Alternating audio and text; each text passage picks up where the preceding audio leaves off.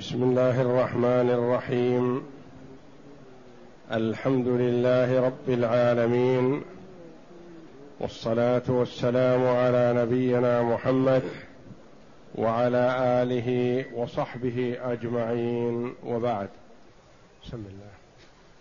أعوذ بالله من الشيطان الرجيم. إن المتقين في مقام أمين. في جنات وعيون يلبسون من سندس واستبرق متقابلين. كذلك وزوجناهم بحور عين يدعون فيها بكل فاكهة آمنين. لا يذوقون فيها الموت إلا الموتة الأولى ووقاهم عذاب الجحيم. فضلا من ربك ذلك هو الفوز العظيم. فإنما يسرناه بلسانك لعلهم يتذكرون. فارتقب إنهم مرتقبون.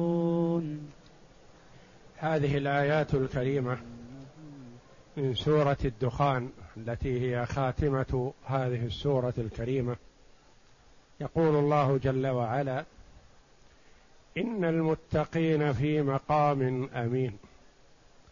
وهذه الآيات جاءت بعد قوله جل وعلا إن شجرة الزقوم طعام الأثيم كالمهل يغلي في البطون كغلي الحميم.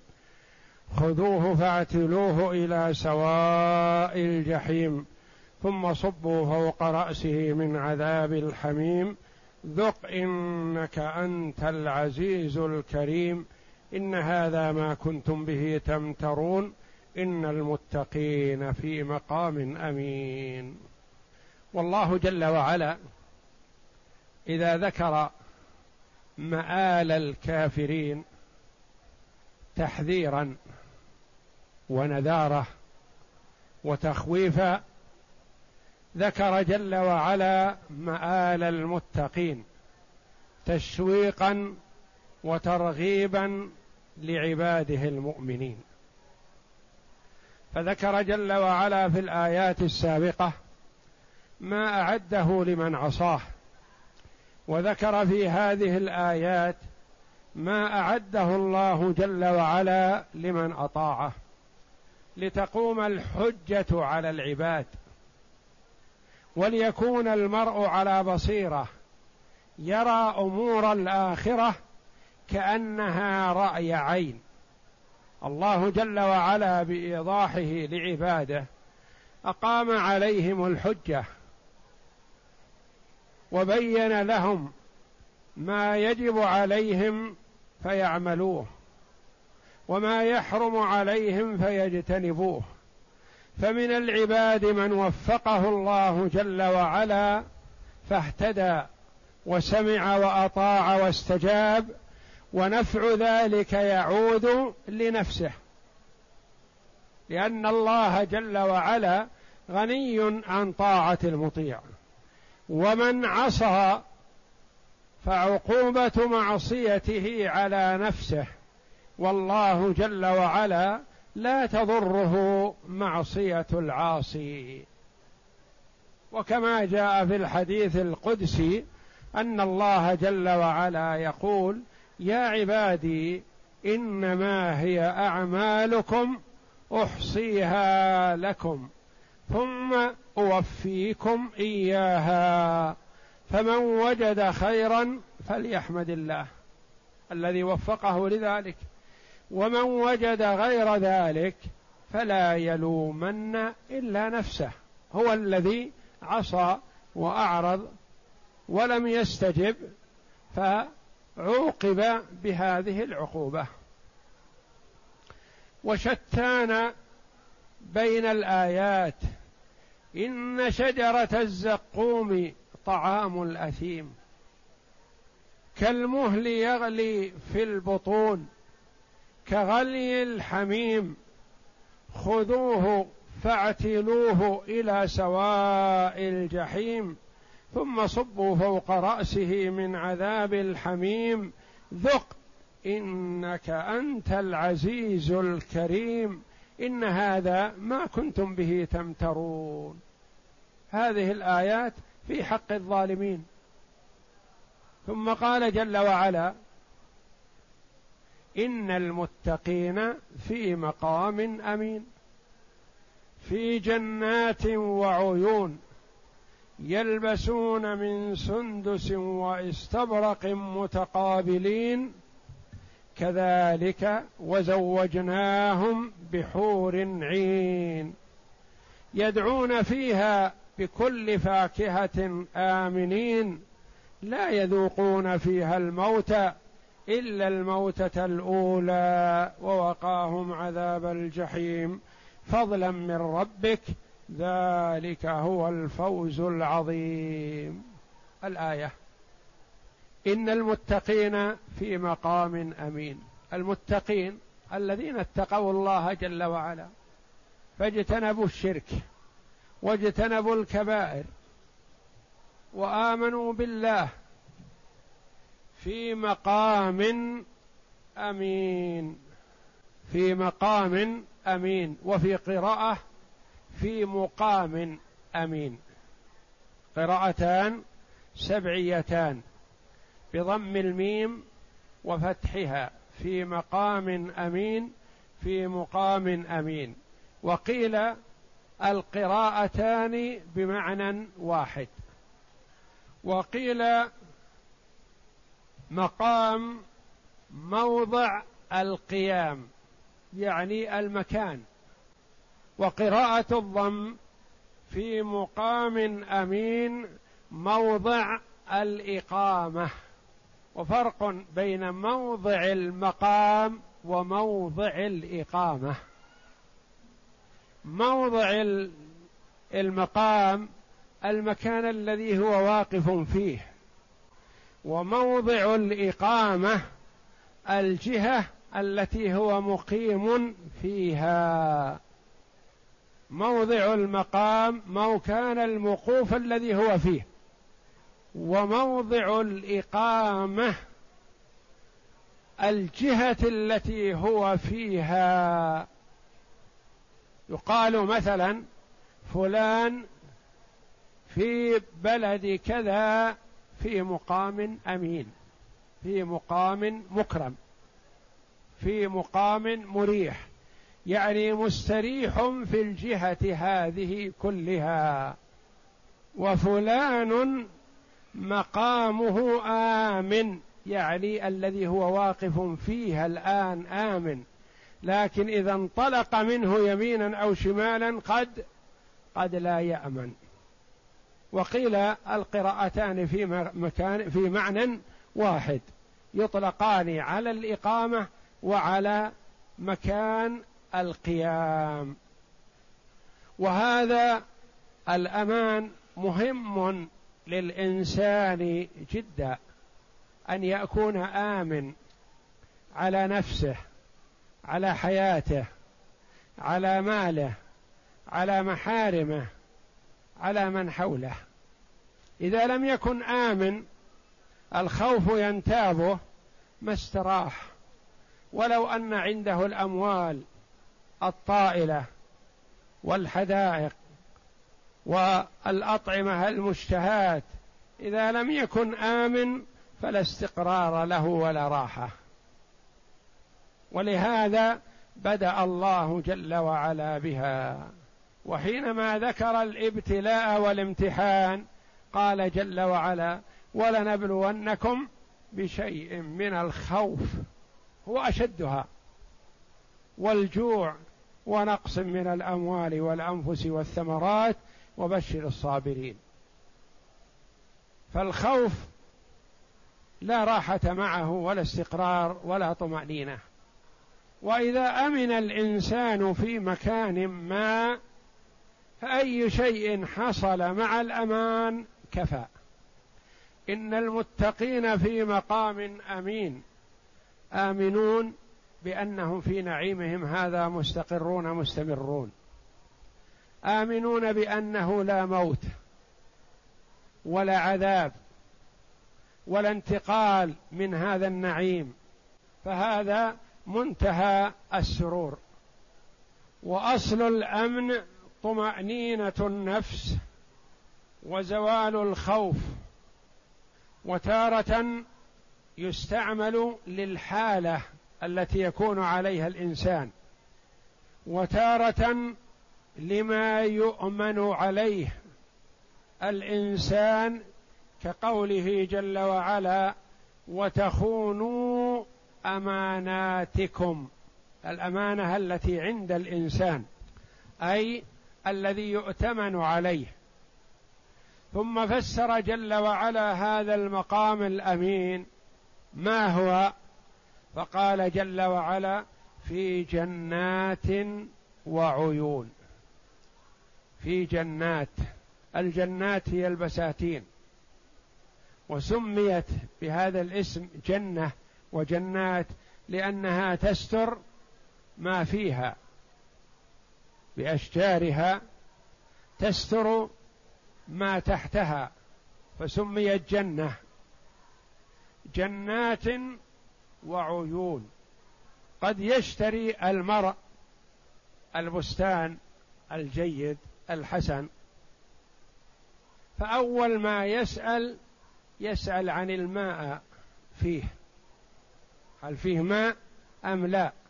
قد تكون جنة محسنة ينقل لها الماء من مكان بعيد.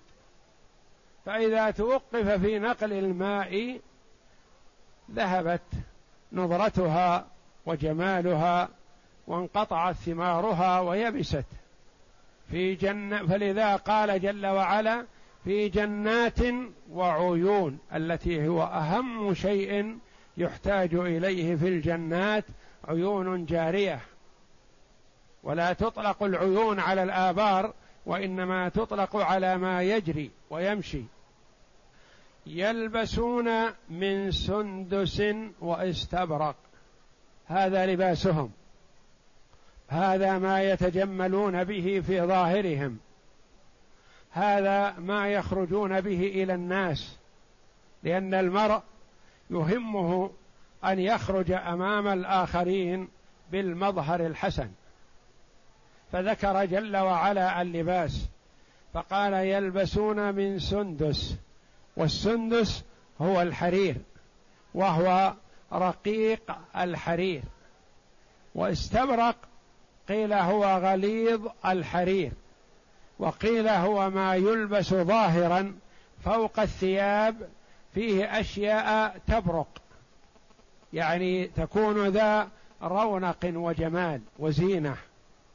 وسندس واستبرق الأصل فيهما أنها اعجبيه وقد يقول قائل وهل في القرآن شيء أعجمي؟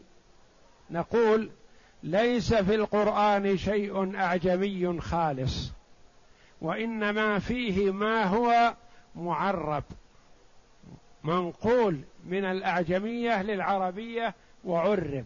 كذلك السندس والاستبرق من الألفاظ في الأصل أعجمية فعربت ونقلت إلى العربية.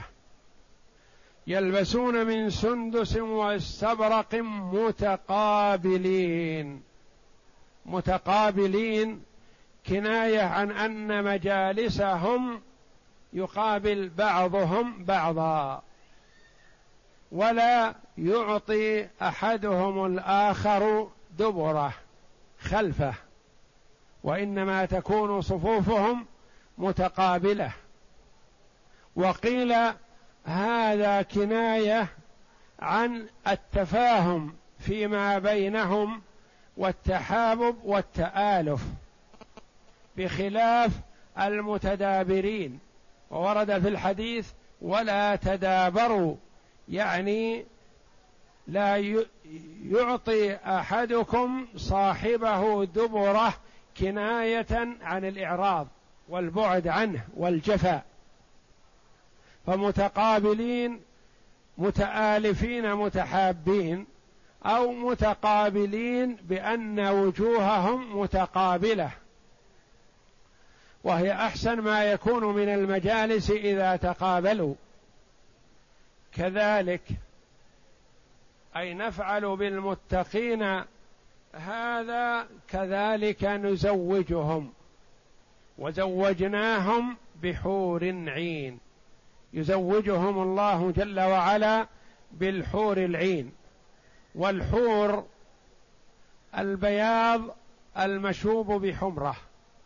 والعين كناية عن كبر العيون بأن عيونها كبيرة وشديدة سواد العينين شديدة بياضهما. يعني ناصع السواد والبياض. عين كبيرات الأعين جميلات الأعين. وزوجناهم بحور عين. وقال بعض السلف معنى كلمة حور أي أنها يحار الطرف في جمالها. يعني ما يستطيع أن يغضي عنها لجمالها. كذلك وزوجناهم بحور عين. اختلف العلماء رحمهم الله بين نساء المؤمنين في الدنيا والحور العين. أيهما أجمل؟ فقال كثير من العلماء جمال الآدميات في الجنة أكثر من جمال الحور العين. لما لهن من فضل العبادة والاستقامة والطاعة لله جل وعلا إذا اتقت الله ودخلت الجنة.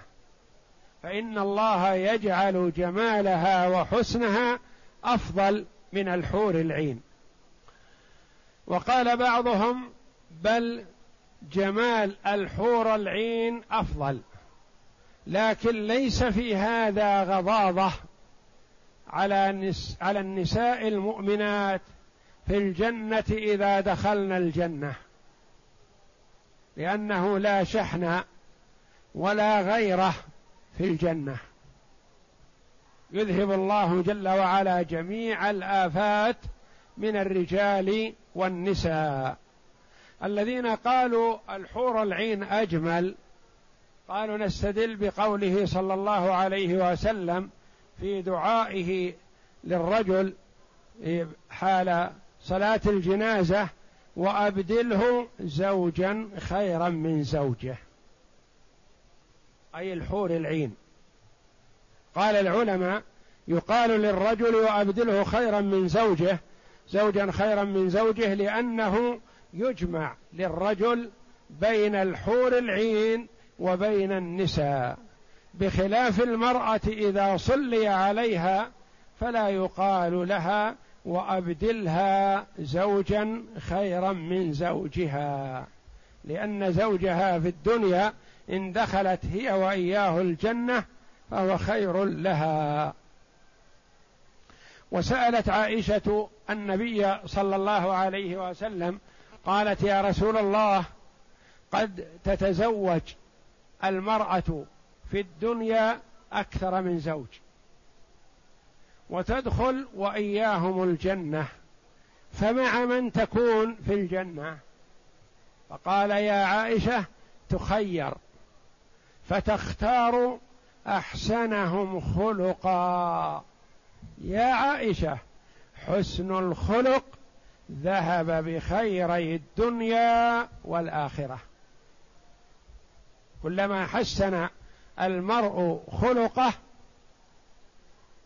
فذلك خير له في الدنيا والآخرة. وأخبر النبي صلى الله عليه وسلم بأن أقرب المؤمنين منه منزلة في الجنة أحاسنهم أخلاقا. زوجناهم بحور عين يعني أعطيناهم. وليس المراد كما قال العلماء يعني العقد عقدنا لهم وإنما أعطوا زوجات من الحور العين بحسب فضل المرء. والمؤمنون يتفاوتون في منازلهم في الجنة. فأدنى أهل الجنة يرى أعلى أهل الجنة كما يرى الكوكب الدري الغابر في الأفق. ولكن من فضل الله وإحسانه أن المرء إذا دخل الجنة وإن كان أقل أهل الجنة منزلة فإنه لا يرى أحدا فضل عليه. لئلا يستنقص ما هو فيه من النعيم. يرى أنه في أحسن حال. ولهذا ورد أن أهل الجنة يتزاورون وأن الأعلى يزور الأدنى ولا يزور الأدنى الأعلى لأنه إذا زار الأدنى الأعلى رأى شيئا ليس عنده فيستنقص ما هو فيه. وإذا زار الأعلى الأدنى رأى ما هو فيه أفضل فيحمد الله على ذلك ويسر بهذا لأنه يرى منزلته ومكانه أفضل. لما ذكر تعالى حال الأشقياء عطف بحال السعداء ولهذا سمي القرآن مثاني فقال إن المتقين أي لله في الدنيا في مقام أمين. أي في الآخرة وهي الجنة قد أمنوا فيها من الموت والخروج ومن كل هم وحزن وجزع وتعب ونصب ومن الشيطان وكيده وسائر الآفات والمصائب. في جنات وعيون وهذا في مقابلة ما أولئك فيه من شجر من شجر الزقوم وشرب الحميم.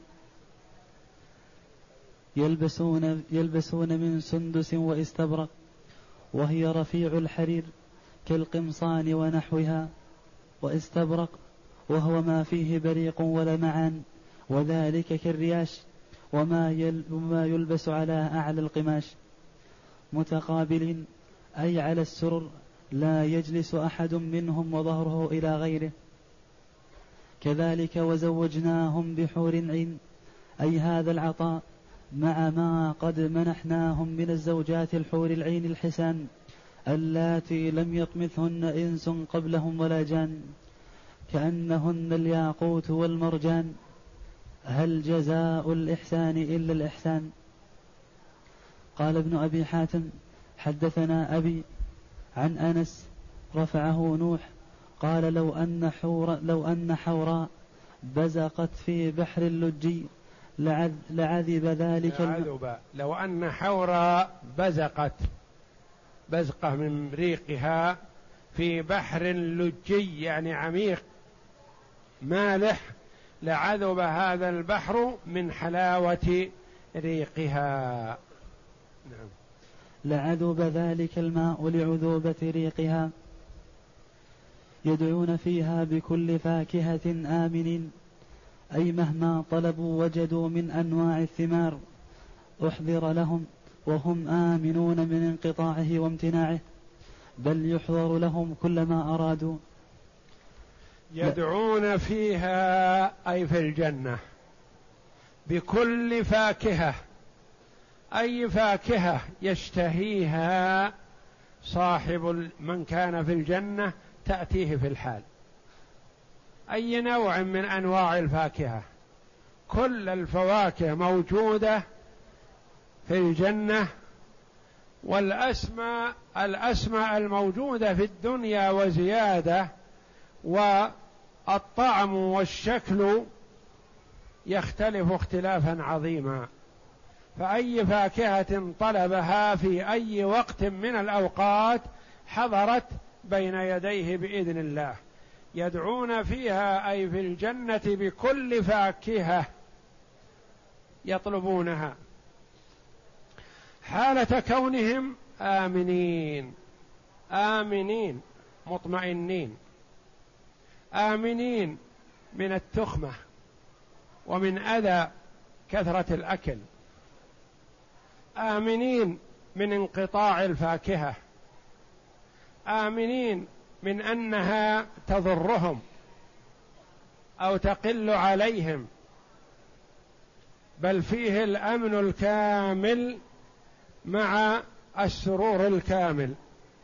لا يذوقون فيها أي في الجنة الموت. لا موت ولا نوم كذلك. سئل رسول الله صلى الله عليه وسلم أهل الجنة ينامون؟ فقال النوم أخو الموت. يعني لا ينامون. لأن النوم يحتاج إليه المرء نتيجة الإرهاق والتعب. والجنة لا إرهاق فيها ولا تعب. سرور دائم وتنعم دائم. ليس فيها ليل وليس فيها شمس محرقة. حارة وإنما هو وقت واحد على أحسن ما يكون ولا يحتاجون إلى النوم ولا يبولون ولا يتغوطون ولا يتمخطون. يدعون فيها بكل فاكهة آمنين لا يذوقون فيها الموت إلا الموتة الأولى. إلا هنا قال العلماء الاستثناء منقطع بمعنى لكن. يعني لا موت مطلقا في الجنة لكنهم ذاقوا الموت في الدنيا.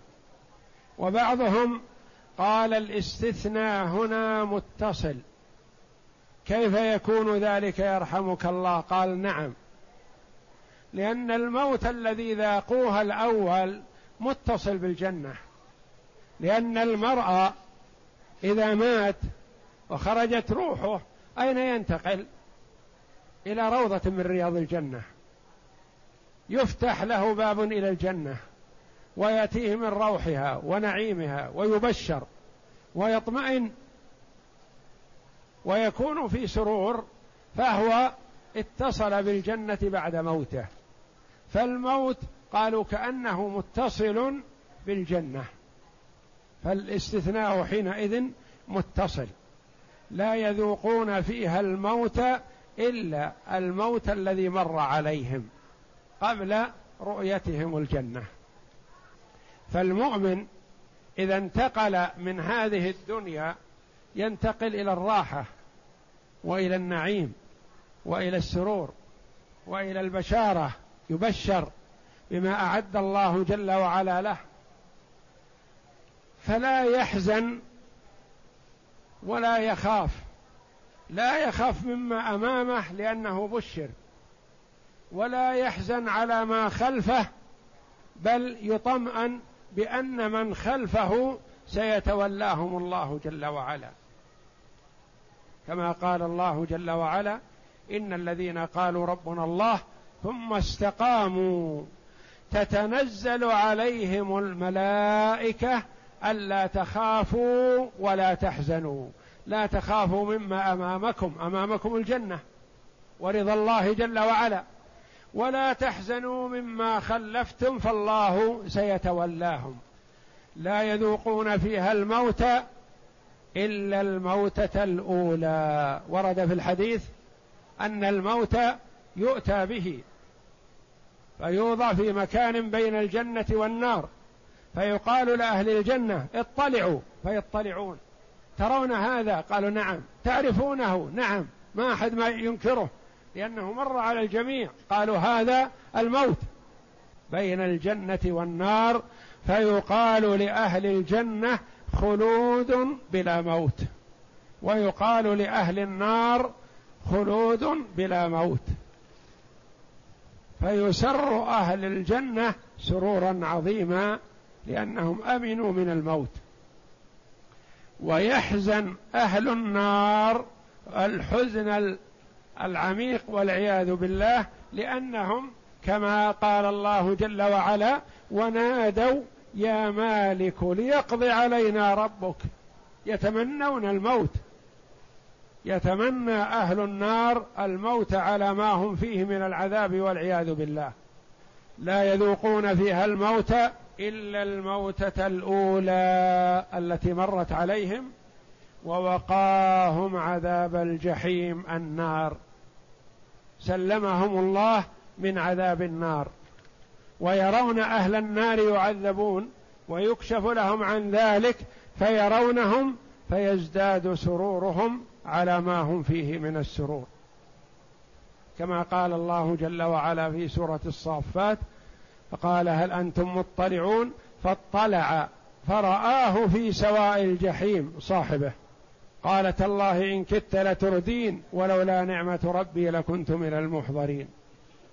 فيرى المؤمنون أهل النار يعذبون. فيزداد سرورهم ونعيمهم بما هم فيه. ووقاهم عذاب الجحيم فضلا من ربك ذلك هو الفوز العظيم. هذا فضل من الله وإحسان. وإلا فالمرء ما يستطيع أن يهدي نفسه والمرء ما يستطيع أن يوفق نفسه للعمل الصالح وإنما الله جل وعلا هو الذي تفضل عليه فيحمد الله على ذلك. فضلا من ربك ذلك أي النعيم الذي هم فيه هو الفوز العظيم هو السعادة الأبدية. لأن فوز الدنيا وسعادة الدنيا تنقطع. مهما كانت مهما طالت فإنها تنقطع وتنتهي. ذلك هو الفوز العظيم. نعم. لا يذوقون فيها الموت إلا الموتة الأولى. هذا الاستثناء يؤكد النفي فإنه استثناء منقطع. ومعناه أنهم لا يذوقون فيها الموت أبدا. كما ثبت في الصحيحين أن رسول الله صلى الله عليه وسلم قال يؤتى بالموت في صورة كبش أملح فيوقف بين الجنة والنار ثم يذبح ثم يقال يا أهل الجنة خلود فلا موت ويا أهل النار خلود فلا موت. وقد تقدم الحديث في سورة مريم. وقال عبد الرزاق حدثنا سفيان الثوري قال قال رسول الله صلى الله عليه وسلم يقال لأهل الجنة إن لكم أن تصحوا فلا تسقموا أبدا وإن لكم أن تعيشوا فلا تموتوا أبدا وإن لكم أن تنعموا فلا تبأسوا أبدا وإن لكم أن تشبوا فلا تهرموا أبدا. رواه مسلم. فإنما يسرناه بلسانك. يقول الله جل وعلا يس بأنه يسر هذا القرآن وسهله وجعله باللغة العربية الفصحى أفصح اللغات وأيسرها وأحسنها فإنما يسرناه بلسانك لعلهم يتذكرون. كما قال الله جل وعلا ولقد يسرنا القرآن للذكر فهل من مدكر؟ القرآن كلام الله جل وعلا. منه بدأ وإليه يعود. تكلم الله جل وعلا به. ولولا أن الله جل وعلا يسره وسهله ما استطاع المخلوق أن يدرك كلام الله. كما أن المخلوق لا يستطيع أن يحيط بصفة الله جل وعلا. لا يستطيع. وإنما الواجب عليه الإيمان بها كما أثبتها الله جل وعلا لنفسه. فلا يستطيع أن يحيط بها. والقرآن كلام الله. لولا أن الله يسره وسهله لنا ما استطعنا أن ندركه أو نفهمه أو نستفيد منه. ولكن بفضله وإحسانه يسره كما قال جل وعلا ولقد يسرنا القرآن للذكر فهل من مدكر؟ فهل من متعظ؟ فإنما يسرناه بلسانك. لماذا يا ربي؟ قال لعلهم يتذكرون. لعلهم يتعظون. لعلهم يستفيدون. لعلهم يؤمنون به. فارتقب إنهم مرتقبون. بشارة ونذارة. بشارة للنبي صلى الله عليه وسلم. بأن ارتقب نصر الله وتأييده. انتظر نصر الله لك وتأييده إياك وخذلانه لأعدائك فإنه آت لا محالة. وكفار قريش قالوا نتربص به ريب المنون. قالوا ننتظر. محمد واحد من العالم. أيام قلائل ويموت ونستريح من شره. ثم عاد إذا مات هم يعمرون يبقون. أفإن مت فهم الخالدون؟ لا. فارتقب إنهم مرتقبون. هم كذلك مرتقبون. مرتقبون موتك. مرتقبون أنهم يقضون عليك. مرتقبون أنهم يدبرون ويخططون لإغتيالك أو للاستراحة منك. لكن الله جل وعلا لهم بالمرصاد. ففي هذا بشارة للنبي صلى الله عليه وسلم ونذارة للكفار بأنه سيأتيكم ما توعدكم الله جل وعلا به إن لم تؤمنوا بمحمد صلى الله عليه وسلم. فضلا من ربك ذلك هو الفوز العظيم. أي إنما كان هذا بفضله عليهم وإحسانه إليهم. كما ثبت في الصحيح عن رسول الله صلى الله عليه وسلم أنه قال اعملوا وسددوا وقاربوا واعلموا أن أحدا لن, يدخل لن يدخله عمله الجنة. قالوا ولا أنت يا رسول الله. قال ولا أنا إلا أن يتغمدني الله برحمة منه وفضل. فدخول الجنة برحمة الله جل وعلا واقتسام منازلها ودرجاتها بالأعمال التي يتقرب بها العبد إلى الله جل وعلا. كما ورد في الحديث ادخلوا الجنة برحمتي واقتسموها بأعمالكم. كلما كان المرء أحسن عملا وأجود عملا كان أعلى منزلة في الجنة. نعم. فإنما يسرناه بلسانك لعلهم يتذكرون. أي إنما يسرنا هذا القرآن الذي أنزلناه سهلا واضحا بينا جليا بلسانك الذي هو أفصح اللغات وأجلها وأحلاها وأعلاها لعلهم يتذكرون أي يتفهمون ويعلمون. ثم لما كان هذا البيان والوضوح من الناس من كفر من كفر وخالف وعاند قال الله تعالى لرسوله مسليا له وواعدا له بالنصر ومتوعدا لمن كذبه بال بالهلاك. فارتقب أي انتظر إنهم مرتقبون. أي سيعلم إنما وعدك الله جل وعلا به من النصر والتأييد آت لا محالة. أي سيعلمون لمن يكون النصر والظفر وعلو الكلمة في الدنيا والآخرة.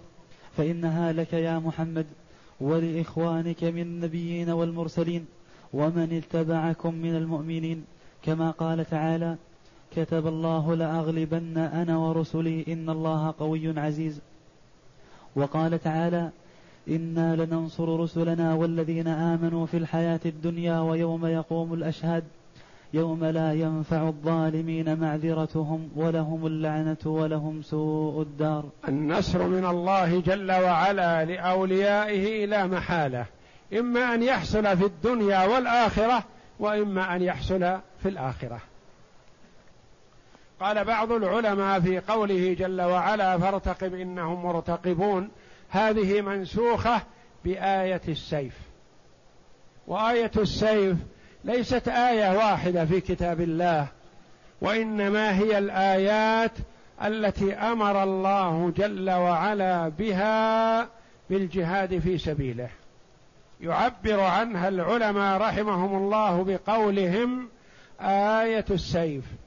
ولعل أولها أو من أولها قوله جل وعلا أذن للذين يقاتلون بأنهم ظلموا وإن الله على نصرهم لقدير.